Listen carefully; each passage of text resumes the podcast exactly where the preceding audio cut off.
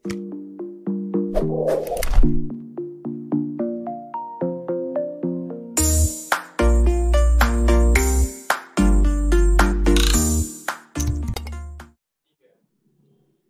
bahagia kerabat desa Indonesia kembali pagi ini kepoin desa. Kita pingin kepo-kepo tentang desa dan pagi ini kita kedatangan tamu luar biasa, Ketua KTNA Kontak Tani Nelayan Andalan. Tani dan nelayan andalan kumpulnya di sini, kontaknya di sini.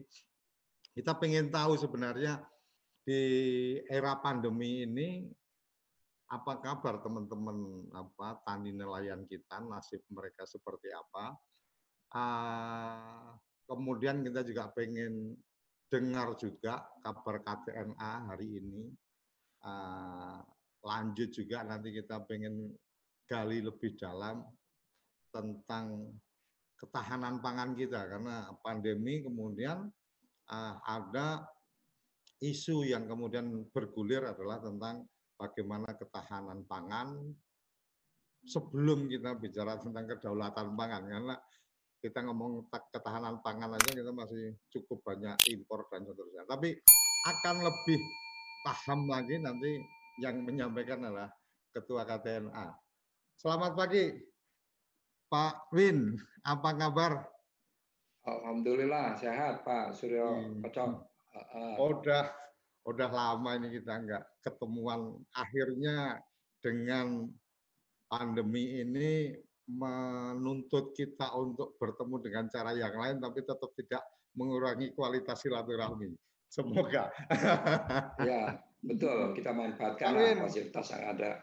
Ya, Win, ini uh, menarik. Bicara pandemi, lockdown, bahkan kemarin apa uh, istri sempat ke pasar katanya juga ayam agak kesulitan masuk ke Semarang dan eh ke Jakarta. Kebetulan saya sekarang di Jakarta. Uh, kemudian kita juga melihat bagaimana banyak sekali beredar juga bantuan-bantuan beras dan seterusnya artinya ada pasar yang sebenarnya cukup lumayan dan seterusnya tapi kita kita kita skip dulu membicarakan itu Pengen tahu kabar KTNA hari ini? Apa kabar, Pak Win? Alhamdulillah sehat-sehat. Semua kita berjalan seperti biasa di eh, di, di sawah ya atau di kebun sesuai dengan bidangnya masing-masing itu tidak ada pengaruh ya terhadap uh, kegiatan para petani khususnya dari KTNA ini.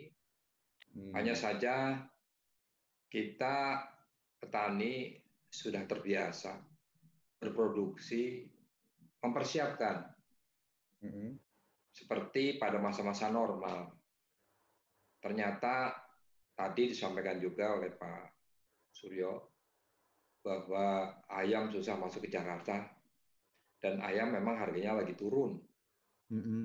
Hingga beredar juga di di web anakan ayam DOC itu disebar, dilepas, suruh cari makan sendiri-sendiri karena hmm. tidak sanggup lagi untuk uh, memelihara karena hitung-hitungannya udah gak ketemu antara DOC harga pakan sampai besar terus harga jual setelah hmm. besar hmm. sehingga itu dilepas supaya peternakan begitu ya terus juga oke okay lah itu masalah peternakan pangan hmm. ya katanya butuh gitu hmm. tapi kok panen nggak pada dibeli begitu kan sudah ada. ini ini ini jangan-jangan udah udah standby di lepas lepas lepas laut sana untuk masuk produk-produk Pak Win? Kurang tahu, tuh saya juga kurang tahu itu karena hmm. uh, sekarang kan menganutnya sistem diem-diem. Hmm. Jadi pernah itu dibahas, kalaupun impor ya diem-diem, jadi nggak ribut gitu. Hmm. Tinggal uh, yang paling banyak tahu ya nanti nelayan. Nelayan hmm. ada di laut, ya pasti semuanya juga lewat laut karena pangan lewat udara itu pasti mahal. Tapi nggak tahu dengan pandemi ini barangkali pangan juga lewat udara. Karena sekarang lihat juga bahwa tempat duduk orang itu semua sekarang diganti barang semua. Jadi kargo semuanya di, di, jadi kargo agar pesawat itu bisa hmm. jalan. Mungkin saja nanti eh, kargo-kargo itu juga bisa melalui udara karena biar eh, lebih cepat ya dan harganya mungkin lebih murah karena penerbangan kurang. Nah ini yang kita tidak tahu, tapi eh, petani sayur yang terakhir ya. itu dari Malang, ya, itu sudah nggak bisa jual, akhirnya dilempar-lempar, dibagi-bagi. Ini juga suatu hal yang tidak disangka, gitu ya, tidak disangka oleh petani sayur mempersiapkan ya, karena dia bisa bekerja seperti biasa. Gitu. Ternyata setelah panen harganya malah jatuh, itu drop. Itu pun juga di Nusa Tenggara Barat. Ya, Nusa Tenggara Barat juga petani sayurnya sama seperti itu.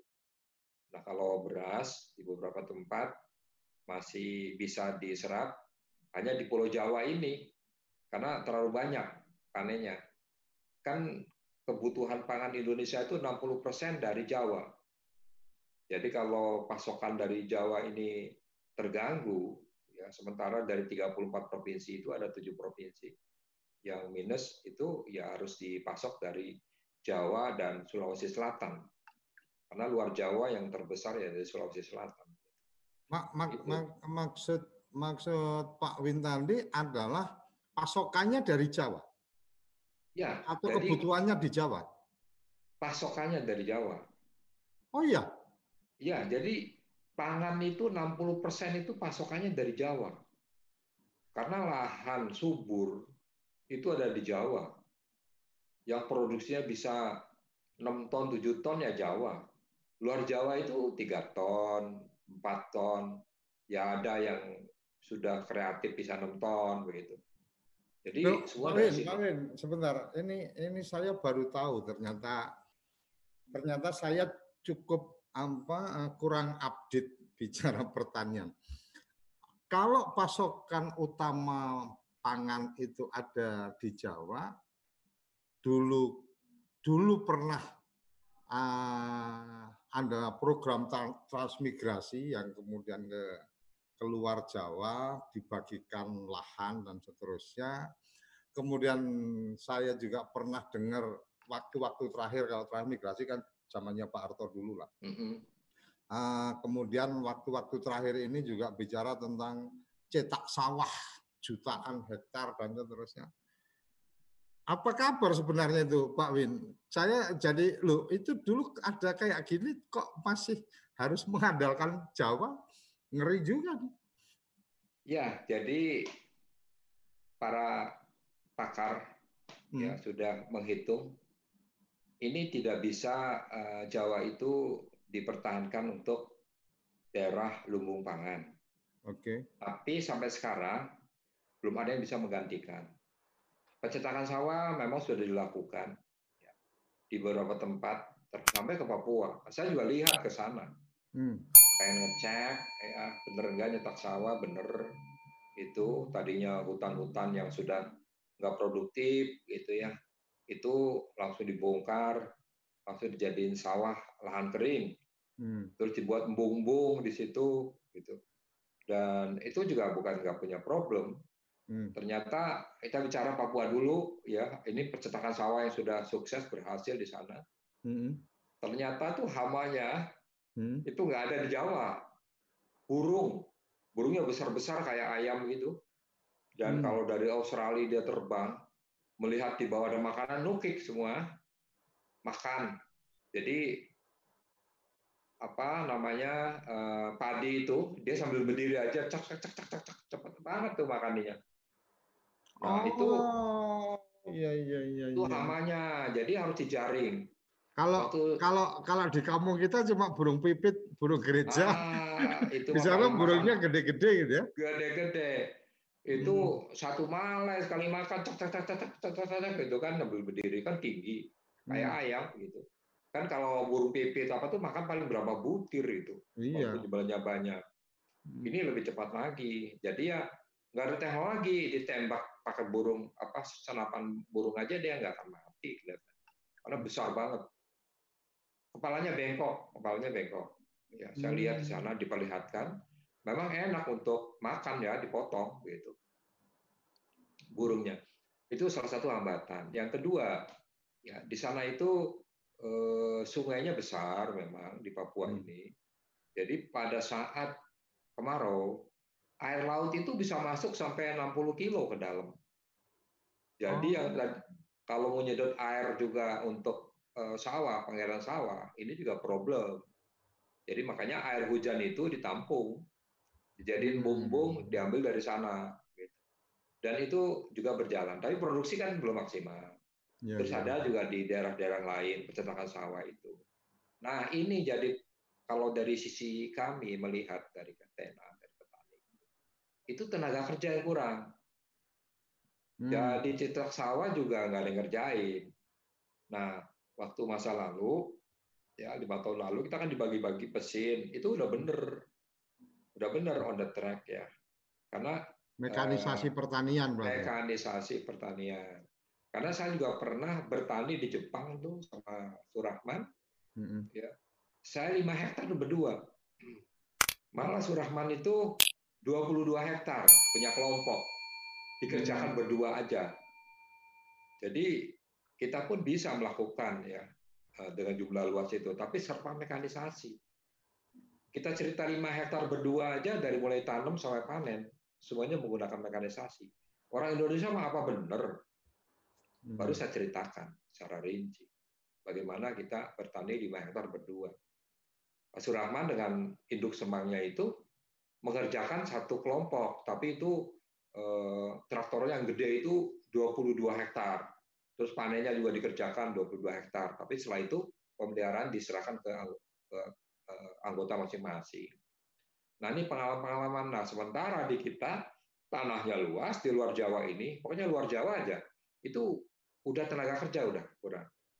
Saya nah, mulai... tapi kalau kalau kemudian isunya di tenaga kerja, ya. sebenarnya kan uh, konklusinya kan sudah ketahuan tuh mekanisasi, tinggal uh, bagaimana memang sesuai dengan ke apa kebutuhan ya, artinya sesuai Betul. dengan uh, kontur tanahnya atau sesuai dengan kebutuhan di wilayah itu.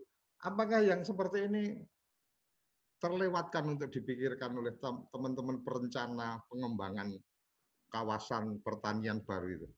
Sudah sebetulnya IRI, Institut Res ya, internasional ini, itu sudah menghitung, Pak sudah kocok, saya punya data di Thailand gimana, di Vietnam gimana, dan lain-lain. Kenapa harga beras kita mahal? Harga beras kita mahal dibandingkan eh, dengan negara-negara lain. Ada hitungannya. Harus ditampilkan datanya. Dan Indonesia itu tertinggi biaya produksinya. Karena biaya produksinya tinggi, maka harga jual juga tinggi. Hmm. Nah, ternyata ada dua pos yang tertinggi itu. Yang satu buruh tani, kita hmm. terlalu tinggi. Ya, yang kedua sewa lahan. Nah, dua pos ini kalau bisa ditekan. Nah, buruh tani tadi ditekan dengan mekanisasi. Sewa lahan, ya harus ada pencetakan lahan. Hmm. Nah, yang lima tahun lalu ya sudah dilakukan oleh pemerintah Kementan, yaitu namanya serasi. Selamatkan rawa, sejahterakan petani. Itu hmm. di, di eh, apa namanya Kalimantan Selatan, Sulawesi Selatan, dan Sumatera Selatan. Itu jumlahnya banyak sekali lahan rawa. Dan lahan rawa ini eh, waktu dikerjakan bersama-sama dengan pemerintah, beko karena harus diangkat ya. Itu hmm. bekonya dari pemerintah. Petani hanya bayar solar. Jadi murah begitu. Hmm. Untuk cetak uh, tanah-tanah itu. Tanah rawa. Dan ya. bagusnya pada saat kemarau panjang ya itu di sana malah jadi bagus. Tadi ya rawa jadi bukan rawa lagi gitu. Jadi sawah biasa malahan tadinya berlebih jadi pas-pasan jadi bagus walaupun produksi tetap nggak bisa lebih dari tiga ton ya tapi sudah lumayan jumlahnya luas nah ini luasannya itu bisa satu kali lipat dari yang ada sekarang karena ada 10 jutaan hmm. kalau totalnya itu ada 22 juta hmm. cuman yang paling cocok untuk bisa dikerjakan untuk pertanian itu 10 juta hmm. nah kalau ini udah bisa dicetak semua 10 juta ini, tapi belum ya belum belum sebanyak itu, baru sejuta aja belum, ya, baru ratusan yang, aja. Yang tercetak itu belum ada ya, satu juta. Belum, belum, belum ada satu juta yang tercetak itu. Masih ratusan, bahkan eh, kemarin juga Presiden minta bahwa BUMN eh, harus melakukan pencetakan sawah.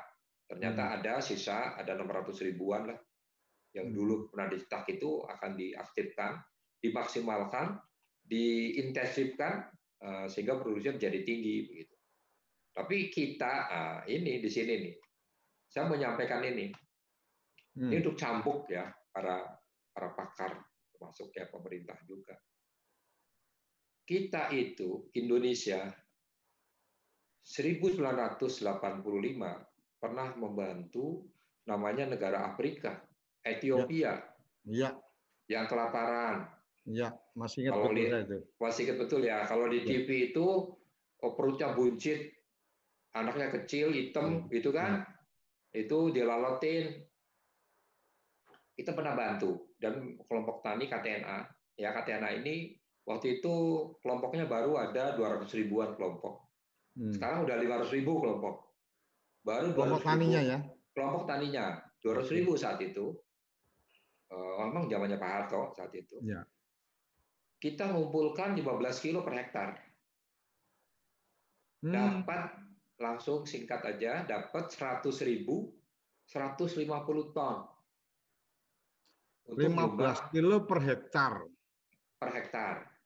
Oh berarti model modelnya kayak jimpitan di kampung itu ya? ya yang perempuan satu gelas satu gelas begitu dikumpulin ya. banyak juga ya? Betul, betul. Gotong royong luar biasa itu mas? Gotong royong luar biasa. Iya iya. Ya. Dan di apa di luar negeri juga diacungin jempol hmm. karena tidak ada dari negara lain bantuan dari petani untuk petani. Yang ada tuh bantuan dari pemerintah, misalkan Jepang, hmm. bantu Ethiopia, ya pemerintah Jepang yang bantu bukan petani Jepangnya. Oh, Indonesia. Waktu itu berarti yang bantu beras itu petani ya? Petani, petani murni. Oh, oke. Okay, Karena okay, okay. rasa keimanan kita, padahal dia tuh kalau dari sisi agama agamanya apa kita juga nggak tahu. Hmm. Ya komunikasi aja kita enggak, bahasa Inggris aja nggak nggak ngerti gitu kan. Hmm. Tapi kita melihat di TV hmm. bahwa kasihan ya kita berlebih nih swasembada. Hmm. Di sana dia kekurangan makan. Hmm. Ayo kita bantu, ayo. Itu kita rembuk, rembuk. Bagaimana caranya panjang itu. Nah, tapi saya pikir waktu itu bantuan dari pemerintah, Pak. Oh, bukan. Oh. Makanya di oke, oke, di FAO Pak Suryo Koco ini dicatat ya. ya. Ini kebanggaan Katena Indonesia, petani hmm, Indonesia. Hmm. Hmm. Indonesia Fund Farmer. Oh, nggak ada government. Indonesia Pan Panmar, makanya IFF di FAO itu ada di sana. Jadi kalau nanti Pak Sudokoco ke Roma, tanyain dulu pernah ada Indonesia Pan Farmer. Oh ya, ah, pasti begitu. Itu kebanggaan. Dia jempol. Hmm. Makanya misalkan Jepang bantu Ethiopia, itu pemerintah Jepang bantu pemerintah, Ethiopia. Ya, ya, ya. Ya, kalau ini petani ada petani, government itu government. Nah, waktu terkumpul kita bingung nyerahinya. Kenal hmm. aja enggak, ngomong aja enggak bisa. Hmm. Akhirnya kita datang ke Bapak Presiden, datang Menteri Pertanian.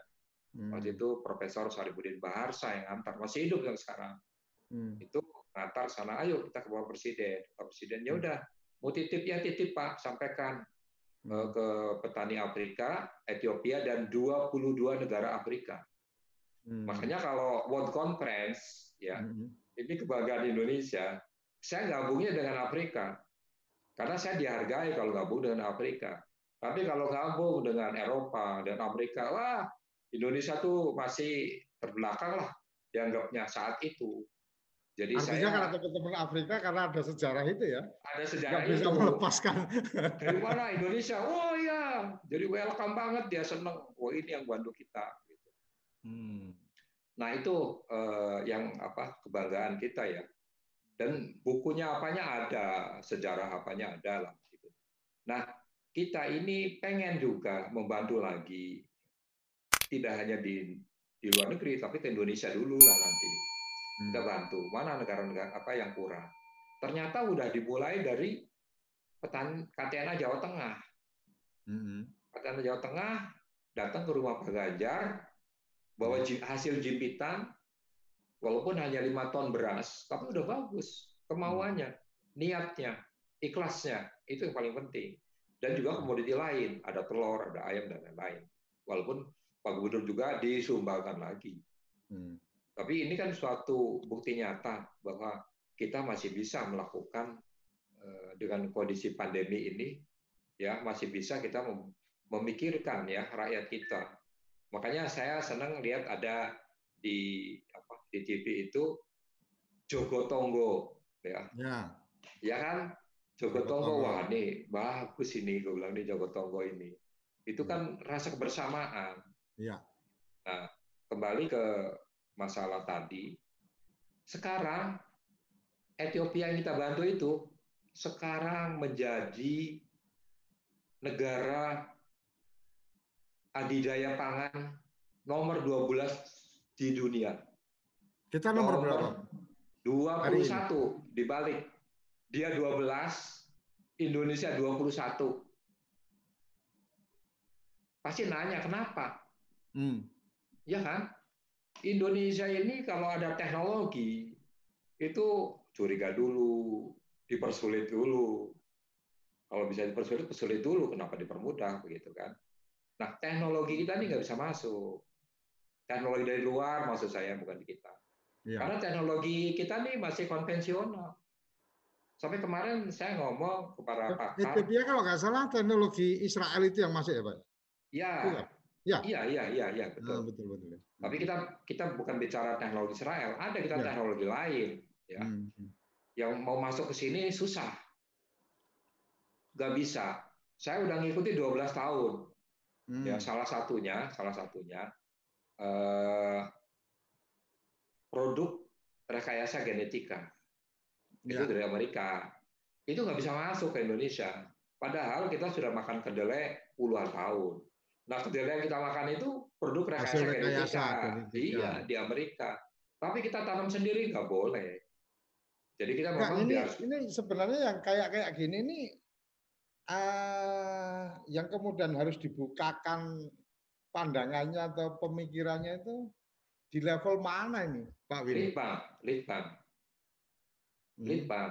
Karena semua juga kementerian uh, harus masuk Litbang dulu. Hmm, hmm, hmm. Bener nggak bagus? Coba dikaji, ya dikaji dan lain-lain. Nah hmm. tapi dikaji pun tergantung kitanya mau welcome apa mau no gitu. Nanti kan hmm. kajian kan bisa dibuat, ya kajiannya wah nggak bagus ini nggak bisa masuk gitu. Sehingga kita uh, kan udah jelas kita konvensional terus, walaupun kita nyetak sawah di luar, ya banyak tapi kalau dengan konvensional, ya itu susah kita, karena produksi paling 2 ton, 3 ton.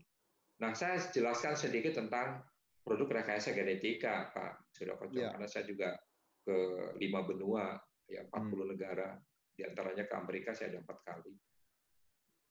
Saya dapat visa lima tahun lima tahun ke Amerika itu. Saya datang ke USDA di sana, Departemen Pertaniannya Amerika, gitu, dan juga ke perusahaan-perusahaan penghasil benih, ya produk rekayasa genetika, saya melihat perkawinannya, persilangannya. Jadi intinya begini, itu benih itu dirakit untuk kebutuhan, sesuai kebutuhan. Misalkan hmm. ada suatu lahan, ya, lahan misalkan rawa. Di rawa itu kan masih belum subur, ya. karena masih asam dan lain-lain. Tapi di sana dilihat ada tanaman tumbuh subur nggak? Pasti ada, walaupun itu tanaman liar. Hmm. Nah, tanaman liar atau tumbuh subur itu diambil gen gennya. Mau ditempelin di mana? Mau di jagung? Apa mau di padi? Sehingga jagung sama padi ini yang sudah pakai genetik, ya tadi tanaman yang tumbuh subur di tanah itu, itu hmm. juga akan subur juga begitu. Kira-kira begitu gambaran singkatnya. Tapi kalau secara ilmiahnya ya nggak, nggak seperti itu. Tapi hampir sama lah kira-kira begitu. Nah, kita ini tidak mau terima teknologi ini, curiga dulu dan lain-lain. Jadi ya seperti ini. Kami petani kalau, udah menunggu. Kalau konsep kalau konsep apa uh, tradisionalnya yang sudah berjalan mungkin model kayak stack gitu ya. Jadi oh kebutuhannya untuk di tanah ini yang bagus kalau di apa di bagian bawahnya akarnya adalah ini begitu sambung atasnya sesuai yang kita mau gitu ya. Enggak, kalau ini lebih pada itu kalau yang kayak genetika ya, lebih betul, pada betul. genetiknya dimasukin di bibit itu ya. Iya, persis begitu. Hmm. Artinya Misalnya, sebenarnya tidak ada tidak ada isu yang spesifik kemudian untuk kita menolak itu dong, Pak Win. Ya, tapi tapi ya ini berkembang kan isu pro hmm. kontra, apa pun pro kontra. Tinggal kita bagaimana mengelola pro kontra.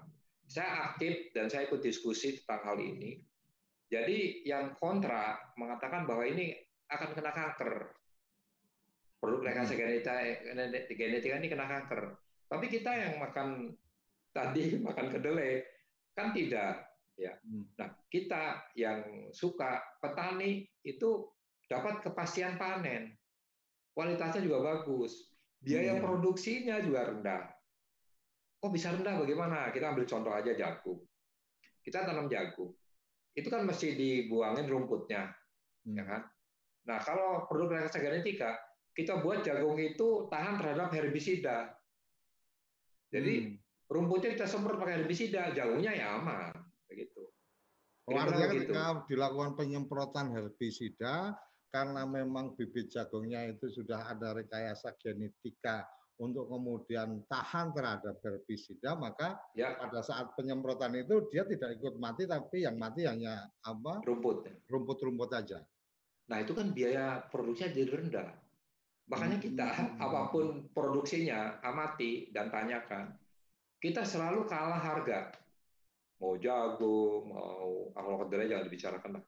Mau padi, ya, mau yang lain selalu kalah.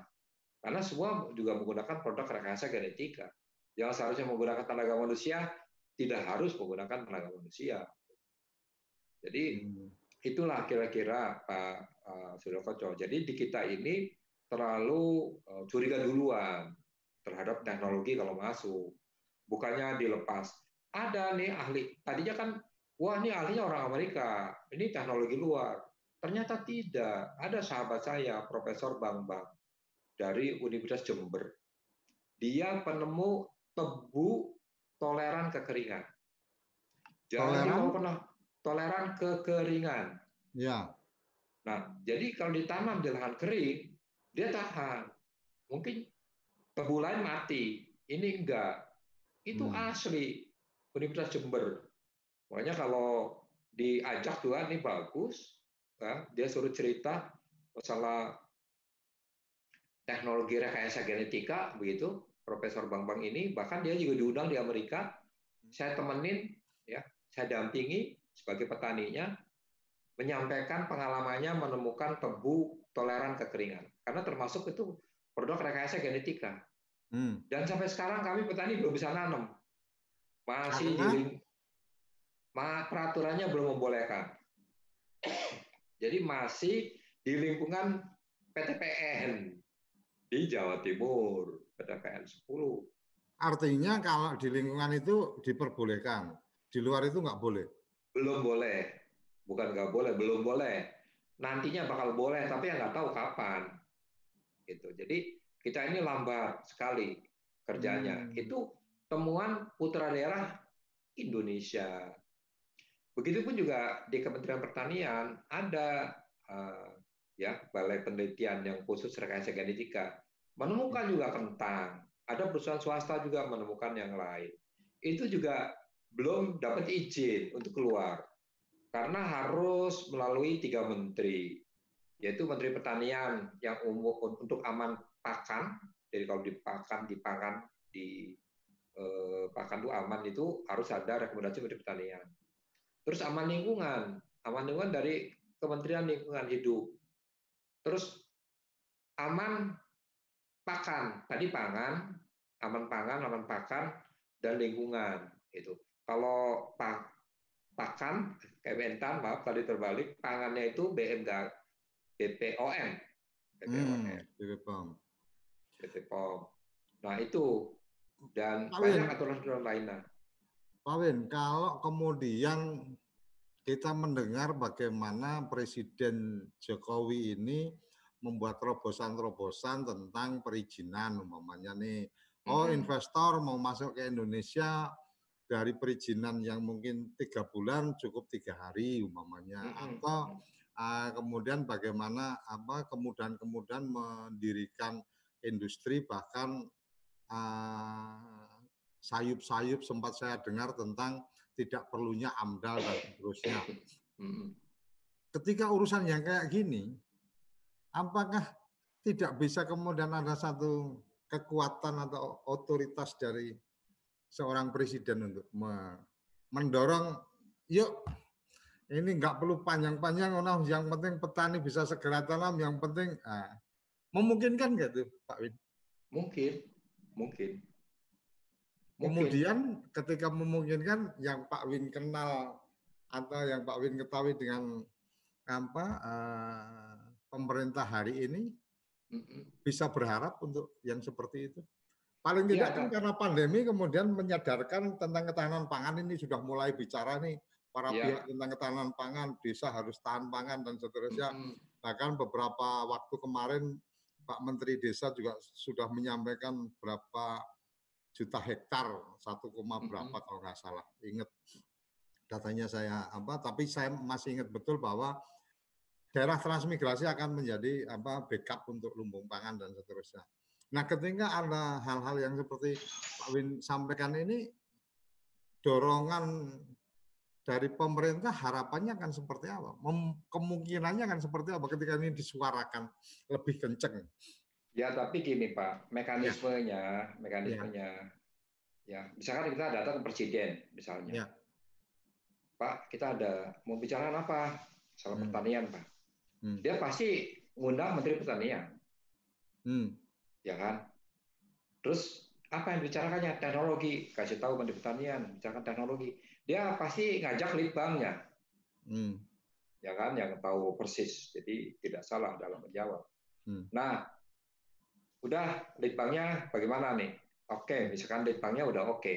Hmm. Nah, terus dibuat aturan kan, kan ini melibatkan biro hukum dari hmm. kelembagaan setempat. Kalau pertanian ya biro hukum kemudian pertanian. Gimana? Hmm. Nah, kembali termasuk gimana orang-orang di situ. Jadi di bawah pak, masalahnya bukan di atas. Oh, Jadi kalau kemudian apa, presiden juga mau dengan produk hukum yang sudah ada ya. Gini harus diperbolehkan agar hmm. petani ini. Hmm. Tapi dia akan mendengar dulu kan petani uh, ke kementeriannya dulu, hmm. dengar letbangnya, dengar biro hukumnya. Hmm. Kalau nggak nyambung tiga-tiganya ya nggak bisa. Hmm. Gitu Pak, sudah kocok. Ini kita udah lakukan. Artinya KTNA Pak Win udah udah menginisiasi, mengkomunikasi untuk itu ya? Hilang sinyal. Oke, mohon maaf pemirsa, ini Pak Win hilang kontak tapi semoga segera masuk lagi. Iya, masih hilang kontak. Jadi menarik mendiskusikan pertanian walaupun tadi sempat menyinggung nasib tani nelayan sepertinya nasib tani artinya tani nelayan dalam konteks apa uh, pandemi ini nggak terlalu ada isu secara apa secara khusus. Tetapi yang kemudian uh, oh ini udah masuk lagi. Pak Win selamat ya, bergabung ya. lagi. Ya. Ya.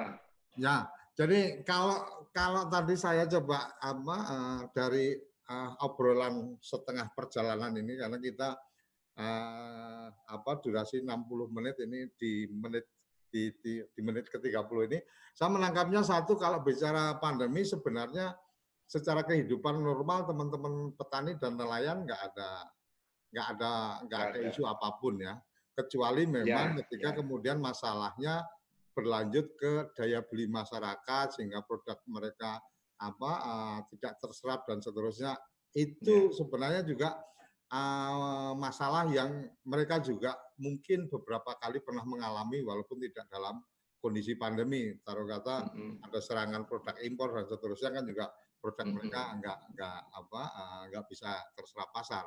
Kemudian yang kedua adalah tentang bagaimana mendorong percepatan apa ketahanan pangan, keta, uh, kemudian uh, sampai ke kedaulatan pangan dan seterusnya. Beberapa yang sudah uh, sempat beredar tentang bagaimana membangun apa uh, sawah dan seterusnya itu sebenarnya juga sudah dimulai cuma mungkin ini urusannya adalah kita perlu untuk kemudian bicara tentang teknologi mekanisasi pertanian dan yang luar biasa saya nggak tahu teman-teman apa kerabat desa apakah per, apa, uh, pernah memahami atau menyadari bahwa ternyata lumbung pangan itu ada di Jawa. Saya saya saya sempat membayangkan mestinya bukan di Jawa karena di Jawa itu lebih pada kredit banyak orangnya sehingga tapi itulah kenyataannya. Nah, Pak Win sebelum berlanjut ini ada teman yang ada di uh, channel YouTube Mas Sartono. Ini menyampaikan lumbung padi Indonesia ada di Jawa. Telah dipetakan dalam Project Integrated Pers Management IPM FAO. Wilayah sawah terbesar ada di pantai utara Jawa antara Jogja, Solo dan wilayah Sulawesi Selatan. Ini ini just info atau ada sesuatu yang ingin disampaikan menurut Pak Win? Monggo. Ya, jadi ini uh, dari teman-teman nano nih apa namanya uh, karena dia menyebut IPM FAO Integrated uh, Farming Management hmm. itu dari uh, apa namanya uh, lebih banyak ke organik dan hmm. pengamatan hama yang hmm. tidak menggunakan pestisida ini. Hmm. Dan tadi datanya FAO. Nah, sebetulnya tidak hanya itu, ya. ya Pantura Pantura Jogja tuh ya sampai Sulawesi Selatan tidak, tapi daerah. Daerah. Memang kalau Pandai Utara mungkin mengistilahkannya tinggal menyamakan persepsi saja. Kalau selatan ini banyak pegunungan, Pak. Iya, betul. Jadi betul. yang dimaksud Pantura itu kayak mulai justru yang terbesar ini ya dari mulai Bekasi, Kerawang, Subang, Indramayu, Cirebon, Tegal, Kalongan itu yang sampai ke sana ke Jawa Timur. Dan di hmm. Sulawesi Selatan juga itu.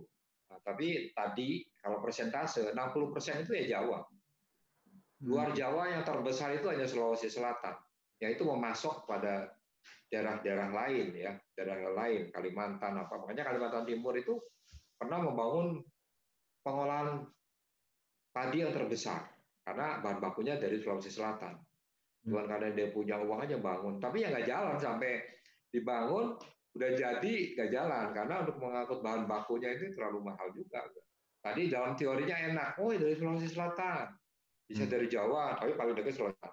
Tapi setelah itu hitungan bisnis tinggal ketemu. Jadi mesin yang mesin gedung gede, canggih ya nggak jalan.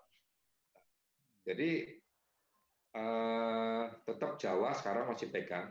Walaupun perlu saya sampaikan di sini bahwa penduduk Indonesia itu naik setiap tahun 1,35 persen naiknya. Hmm. Produksi kita sekarang udah leveling up, ya, udah leveling up. Naiknya ada yang minus, ada yang nol, gitu ya. Ada yang 0, saja.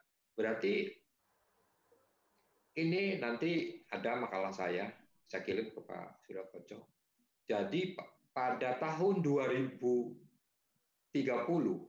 itu kan 10 tahun lagi dari sekarang. Ya. Kalau kita tidak melakukan apa-apa, itu sudah dihitung sama Profesor Surasno bahwa Indonesia akan minus 12 juta ton 2030. Minus 12, 12 juta ton. juta ton. Kalau kita tidak melakukan apa-apa, masih seperti ini, konvensional, masih diskusi panjang, tidak tidak tidak ada yang ambil keputusan, dia diambangkan terus begitu. Hmm. Ini 2030 kita akan minus 12 juta ton. itu profesor yang menghitung, bukan kita kita petani. Nah, karena lahan terus berkurang, turun, penduduk terus naik, jadi titik temunya nanti ya sudah ini kan 2020, kira-kira setahun lagi ketemu. Ketemu itu BP berarti pas-pasan produksi kita dengan eh, kebutuhan pangan. Kalau kita tidak melakukan apa-apa, melakukan pencetakan sawah, iya sudah betul ekstensifikasi, tapi ya kurang maksimal, kurang banyak maksud saya. Karena ada lahan, ya potensinya ada. Masa lahan padi kita kalah sama sawit? Hmm. Sawitnya tuh 12 juta, di atas 12 juta. Padi hanya tujuh sawit, karena sawit terjamin harganya waktu itu. Dan petani pada sejahtera kalau uh, dia tanam sawit. Nah sekarang pangan sudah mulai uh, menggiurkan lah, ya. Apalagi uh, harga-harga ini akan naik gitu. Itu Pak. Jadi uh, ini tadi teman yang dari apa Pak Sartono itu ya. itu dari grup IPN eh, FAO. Hmm. Memang yang bina FAO. Ya. Hmm. Tapi sekarang sudah nggak didanain lagi IPN di Indonesia. Gitu. Pak Win, bicara tentang pertanian kan uh, berapa tahun yang lalu saya sempat mendengar satu ide besar tentang bagaimana uh, membuat kita ini punya ketahanan pangan atau kedaulatan pangan adalah pengembangan food estate kalau nggak salah. Artinya hmm. apa uh, membuat satu kawasan besar untuk kemudian apa produk pangan mungkin dengan teknologi tinggi dan seterusnya saya tidak terlalu mengikuti. Tapi apakah ide-ide yang seperti itu juga sudah tereksekusi karena kalau tidak salah juga ada ada apa perusahaan besar ya yang masuk di apa wilayah bisnis food estate ini. Ya, jadi dulu pernah itu zaman Pak Menterinya Anton Apriantono, hmm. presidennya Pak SBY, hmm. itu food estate itu di situ berkembang. Hmm. Uh, dan menek BUMN-nya siapa ya saat itu? Itu sampai ke Kalimantan Timur, ya, ke Delta di Kalimantan Timur kita juga udah ke sana, gitu ya. Itu teorinya uh, bagus bagus, tapi waktu aplikasi lapangan ini kesulitan, ya, karena hmm. antara teori yang dibuat dengan hmm. lahan yang ada itu nggak sesuai. Hmm. Jadi waktu salah satunya ya permasalahannya itu ada tanahnya sana subur ya subur. Gitu. Tapi setelah kita datangin ke sana pakai motor, sana juga pakai perahu dulu terus pakai motor ke Kalimantan Timur, hmm. itu lahan-lahannya masih banyak melintang dan tugak-tugak pohon. Hmm. Jadi kan nggak bisa pakai mekanisasi, nggak pakai hmm. mekanisasi. Kita dengan Pak Anton datang ke sana dan Pak Menteri, ya, kita sama-sama naik kapal lautnya juga, naik motornya juga bareng ke lokasinya itu, bersusah payah hmm. capek, ternyata seperti itu. Ini misalkan ya, misalkan itu dijalankan, ya. hasilnya pun susah bawanya, susah bawanya, ya kalaupun itu jadi dilaksanakan, tapi berhubung sudah ganti lagi, terus itu nggak diteruskan. Jadi, hmm. tapi pembicaraan, rapat, seminarnya sih banter gitu ya, banter. tapi yang paling rumit itu aplikasi, aplikasi hmm. di lapangan itu paling sulit. Ya, tapi kalau uh, kita bicaranya Papua itu enak datar karena udah dicetak anunya sawah-sawahnya. Waktu itu hmm. food estate itu istilahnya bagus, tapi nggak seperti dicetak sawah enggak. Cuma lahan-lahan yang kosong, datanya kosong nih. Udah di sana lahan uh, kosong datar. Setelah didatanginya ada penduduk di sana, ya sudah hmm. diolah hmm. begitu. Walaupun masih tradisional. Jadi uh, ini problemnya. Jadi food estate tadi ya sudah dikubur lagi gitu. Berarti sekarang baru yang ke... saya berarti yang saya tangkap salah satunya ini balik lagi ke isu yang kemarin sempat kita diskusikan sama apa salah satu tamu kita. Salah satu masalah kita sebenarnya di di data itu ya. Artinya ketika bicara data, orang kemudian membuat perencanaan hanya berbasis data apa sekunder, ya. maka kemudian mm -hmm. pada saat akan dilakukan aplikasi bermasalah karena apa yang ada di dalam data dia pada saat menyusun itu tidak sama mm-hmm. dengan kondisi lapangan gitu. Kira-kira kayak persis. gitu kan? Hmm. Persis, persis. Makanya kan banyak kejadian terutama di Sumatera, Pak. Ya, di ya. Sumatera itu dalam petanya hmm. ini kosong. Makanya itu hmm. dianggap itu wilayahnya perusahaan. Hmm. Ternyata di sana udah ada petani, udah beranak pinak, udah udah hmm. Tanaman perkebunan. Sementara hmm. dalam dalam petanya itu masuk wilayah perkebunan begitu. Akhirnya ribut. Banyak hmm. Sumatera itu nomor satu masalah uh, lahan ini. Permasalahannya di situ hanya lihat lahan dari apa dari peta ya. Kalau sekarang mending ada drone bisa dilihat, oh ada orangnya di sana. Oh ternyata udah tanam sawit, itu udah empat tahun sawitnya begitu. Nah ini kan bertahan jadi ribut karena udah merasa uh, lama. Nah itu data seperti itu. Nah ini ini salah satu pengalaman saya Pak sudah kocok walaupun nggak di sini di Afrika ya di Afrika. Saya ditugaskan sama FAO untuk mengajari orang Afrika bagaimana bisa makan ya. saya dikirim ke sana selama tiga bulan. Saya dengan teman-teman bergantian saya tiga bulan pertama eh, ke sana untuk tanam padi ya tanam padi. Ini ini jadi kayak guyonan lucu juga begitu. Jadi makanya saya cuma mengambil eh, apa yang saya maksud, ajak bicaralah petani itu. Saya datang ke sana, wah dengan hebatnya lah Indonesia bisa memproduksi 6 ton, 7 ton gitu ya, bahkan bisa 10 ton.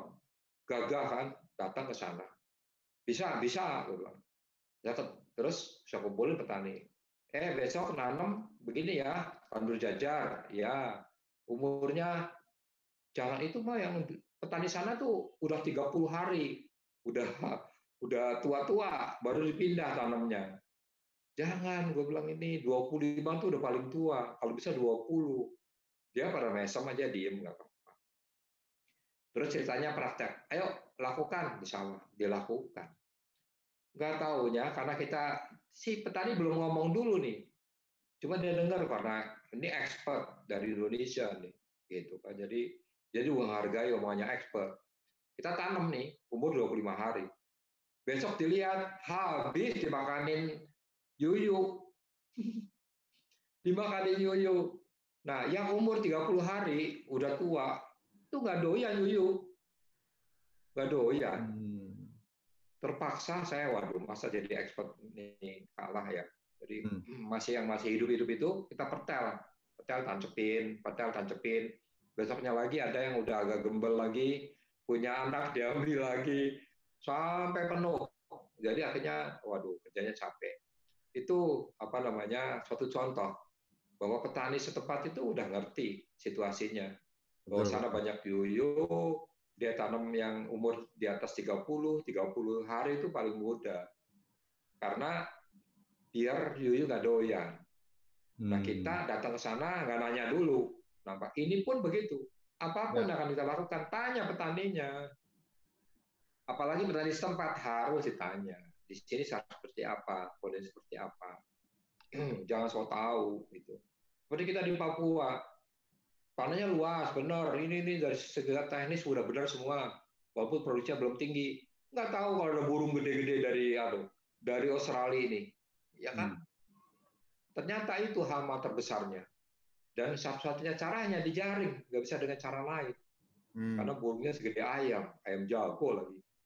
Nah itu, jadi apa pun ya mau eh, apa food estate, mau corporate farming, mau apa saja itu petani harus ditanya. Petani lebih ngerti, lebih tahu, apalagi kondisi di daerahnya masing-masing. Artinya memang ketika membuat perencanaan dan seterusnya memang para pihak yang akan terlibat di situ harus didengarkan dengan penuh.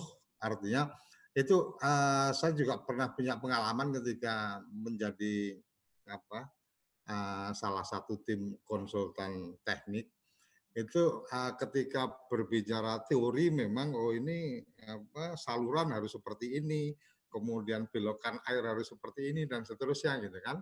Ya. Ketika dia membuat itu hanya berdasarkan peta saja dan datang ke situ menengok tanpa bertanya ke petani, pada saat dikerjakan ya orang-orang di situ sudah memberikan memberikan informasi apa ini nggak salah, apa ini nggak salah. Ternyata ada perilaku air di periode-periode tertentu yang kalau dibikin kayak gitu pasti akan bermasalah. Jadi sepakat tadi uh, tadi saya sempat kepikiran juga ini food estate dan yang lain-lain apa karena memang teman-teman dari KTNA atau mungkin dari HKTI atau teman-teman tani lah intinya hmm. apakah memang mereka tidak pernah diajak bicara sehingga merasa pinter, merasa paham kemudian oh ini bisa bikin kayak gini atau atau memang ini urusannya di di kebijakan. Jadi kalau saya menangkap ya ada bagian-bagian perencanaan yang kemudian memang perlu sangat sangat perlu untuk kemudian satu akurasi data, dua partisipasi apa uh, orang-orang yang akan terlibat atau masyarakat yang akan terlibat. Mungkin seperti itu ya Pak Win. Betul. Tadi yang ceritakan oleh Pak Suryo Koco, ya. itu pasti pengalaman dulu zaman Pak Harto. Ya. Waktu bikin saluran, zaman hmm. Bimas Inmas. Ya. Karena saya masih jadi petani uh, kelompok. Waktu zaman Bimas Inmas itu uh, dia tendernya di kabupaten. Ya. Waktu pelaksanaan, makanya ada saluran yang tinggi gitu ya. Jadi nah. banyak yang nggak pakai. Hmm. Padahal itu dapat utang dari Bank Dunia. Tapi hmm. secara keseluruhan itu sukses, secara keseluruhan ya. ya Kalau perik-periknya tadi yang Pak Surya hmm. sampaikan. Dan di situlah kita bisa, anu, apa namanya, uh, bisa swasembada itu. Dan Pak Harto dapat penghargaan dari FAO ya. karena Indonesia tadinya pengimpor, ya. Jadi surplus begitu. Dan sempat ya, pidato di PBB ya untuk penghargaan iya, swasembada pangan itu ya. Betul, kita juga ada kontak taninya bapak-bapak kita karena kita masih terlalu kecil, terlalu muda lah masih petani muda nggak diajak dari petani-petani hmm. tua berangkat ada 22 orang diajak ke sana. Petaninya? Ke, petaninya KTNA hmm. TNA dibawa ke sana ada foto-fotonya sejarahnya ada. Ke sana termasuk ya menyerahkan bantuan-bantuan ke 22 negara Afrika ya yang ada di sana. Itu juga dikunjungi dibagi-bagi 22 itu. Karena satu negara satu yang ini ke Ethiopia, yang ini ke Tanzania, yang ini ke Senegal, yang ini ke Gambia, begitu terus. Jadi 22 itu satu negara satu untuk uh, memberikan bantuan dari petani Indonesia. Karena itu tadi dari petani ke petani. Hmm. Makanya petani yang nyumbangnya ya diajak ke sana, begitu. Hmm. Nah, jadi apa pun ya banyak berpendapat sekarang ini kalau petani itu pendidikannya rendah. Jadi ya susah diajak bicara. Dianggapnya begitu. Padahal mah ada hal-hal tertentu yang harus minta pendapatnya petani. Ya. Ini yang kadang-kadang melupakan ya. Hmm. Jangan sekali-kali lah petani dianggap rendah. Tadi saya juga orang Afrika itu miskin, apalagi petaninya gitu ya. Sekolah SMA aja enggak begitu kan. Hmm. Jadi ya pastilah begitu. Tapi setelah saya anggap enteng, ya kita kena malah kena masalah. Untuk masalah itu bisa diam, tapi itu kan capek kita. Nah ini juga eh, demikian. Jadi tolong tim apa pun, membuat apa pun, ya eh, diajaklah petani ini. Ada suatu tempat saya nggak mau nyebut di mana dan ada eh, perusahaan-perusahaan akan melakukan corporate farming. Hmm. Ternyata setelah kami lihat ya, karena kami juga Pak Suryo Koco bikin buku hmm. namanya Precision Farming. Precision Jadi pertanian yang precision farming. Jadi pertanian yang presisi. Presisi hmm. itu sebenarnya istilah teknik. Jadi kalau kita quarter apa itu presisi yang pres ya. Hmm. Itu ngepas lah istilahnya. Ya, seimbang. Seimbang dan ngepas, pas-pasan. Hmm. Jadi ekonomi lebih murah. Hmm. Hmm. Karena kita waktu itu kenapa bikin buku precision farming? Ya, karena kita nggak uh, bisa ngomong manakala dipersandingkan dengan harga-harga internasional. Makanya harus hmm. dipres agar murah harga-harga kita itu bisa bersaing. Benih, hmm. misalnya 30 kilo, enggak kenapa harus 30 kilo? Ya. Hmm. Terus satu tancap 3 sampai 4, kenapa harus 3 sampai 4? Kenapa enggak satu? Gitu. Hmm. Paling banyak dua. Dan lain-lain. Pupuknya juga harus press. Hmm. Di lab, kandungannya seperti apa, kekurangannya apa. Nah, itu yang ditambahkan, dan lain-lain.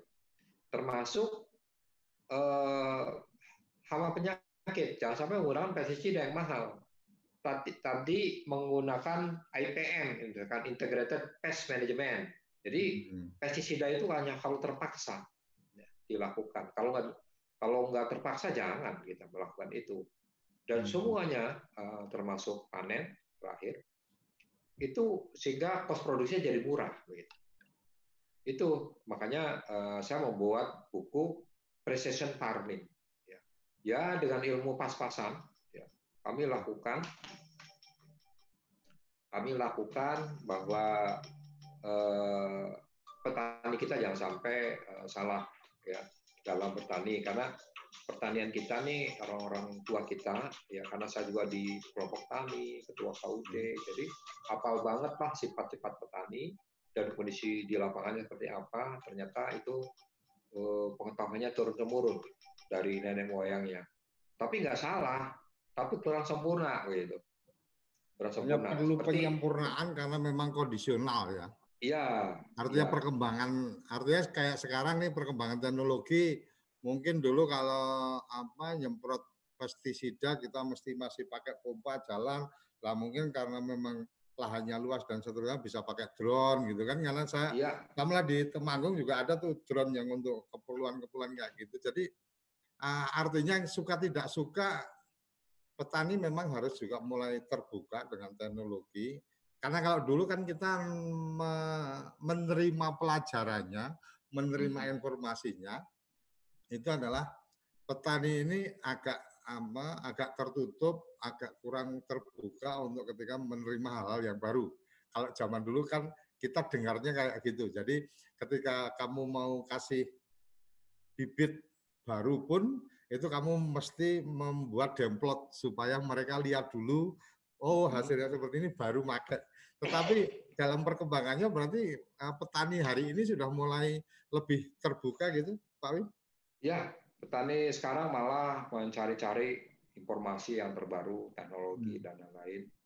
Sampai-sampai ini ya ceritanya karena pengen uh, mendapatkan teknologi terbaru, dia hmm. datang ke balai-balai penelitian, ya cari-cari varietas baru hmm. walaupun itu baru silangan belum di dianukan varietas hmm. belum jadi varietas begitu tapi hmm. lihatnya bagus langsung dia dengan berbagai cara bagaimana mencari bibit itu akhirnya hmm. varietas-varietas di lapangan ini macam-macam hmm. termasuk banyak ya ya nyebutnya aja petani kita tuh seperti uh, IR 64 terus hmm. ada muncul IR kebo ada hmm. lagi IR 10.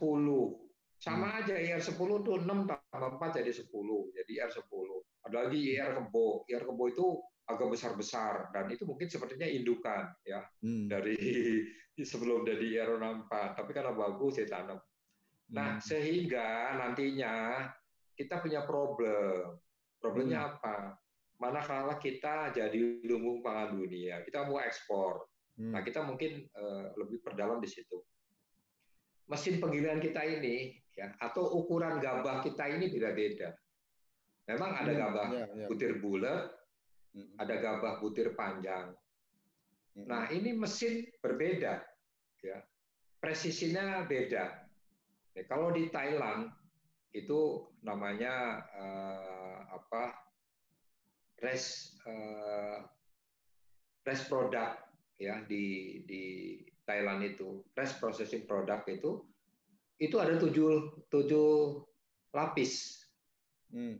dan beras yang masuk ke situ itu di sigma berapa panjang berapa gemuk ini harus sama jangan sampai ada gemuknya terlalu gemuk, udah tolak ini. Nah itu kerjasama dengan penggilingan kecil. Nah ini kaitannya dengan paritas. Nah yang sama ini baru diterima. Masuk ke mesin mulai dari atas itu dihilangkan dulu kotoran-kotoran mulai dari yang logam sama kotoran ini itu udah dua. Terus baru ke bawah, ke bawah itu baru pemrosesan. Terus turun sampai ke bawah baru packing. Ya, hmm. packing itu di situ yang menir-menir, ya, menir patah tiga, menir patah dua. Gitu. Di kita kalau lihat penggilingan Pak Sirokoco di desa-desa belum bisa ngomong gitu. Hmm. Makanya Indonesia di Jakarta, misalkan pesen, tolong dari Jawa Tengah, saya pesen beras yang brokennya 10 persen. Hmm. Orang kampung ini, wah ayakannya aja dilembutin. Eh, dibesarin maksud saya, dibesarin.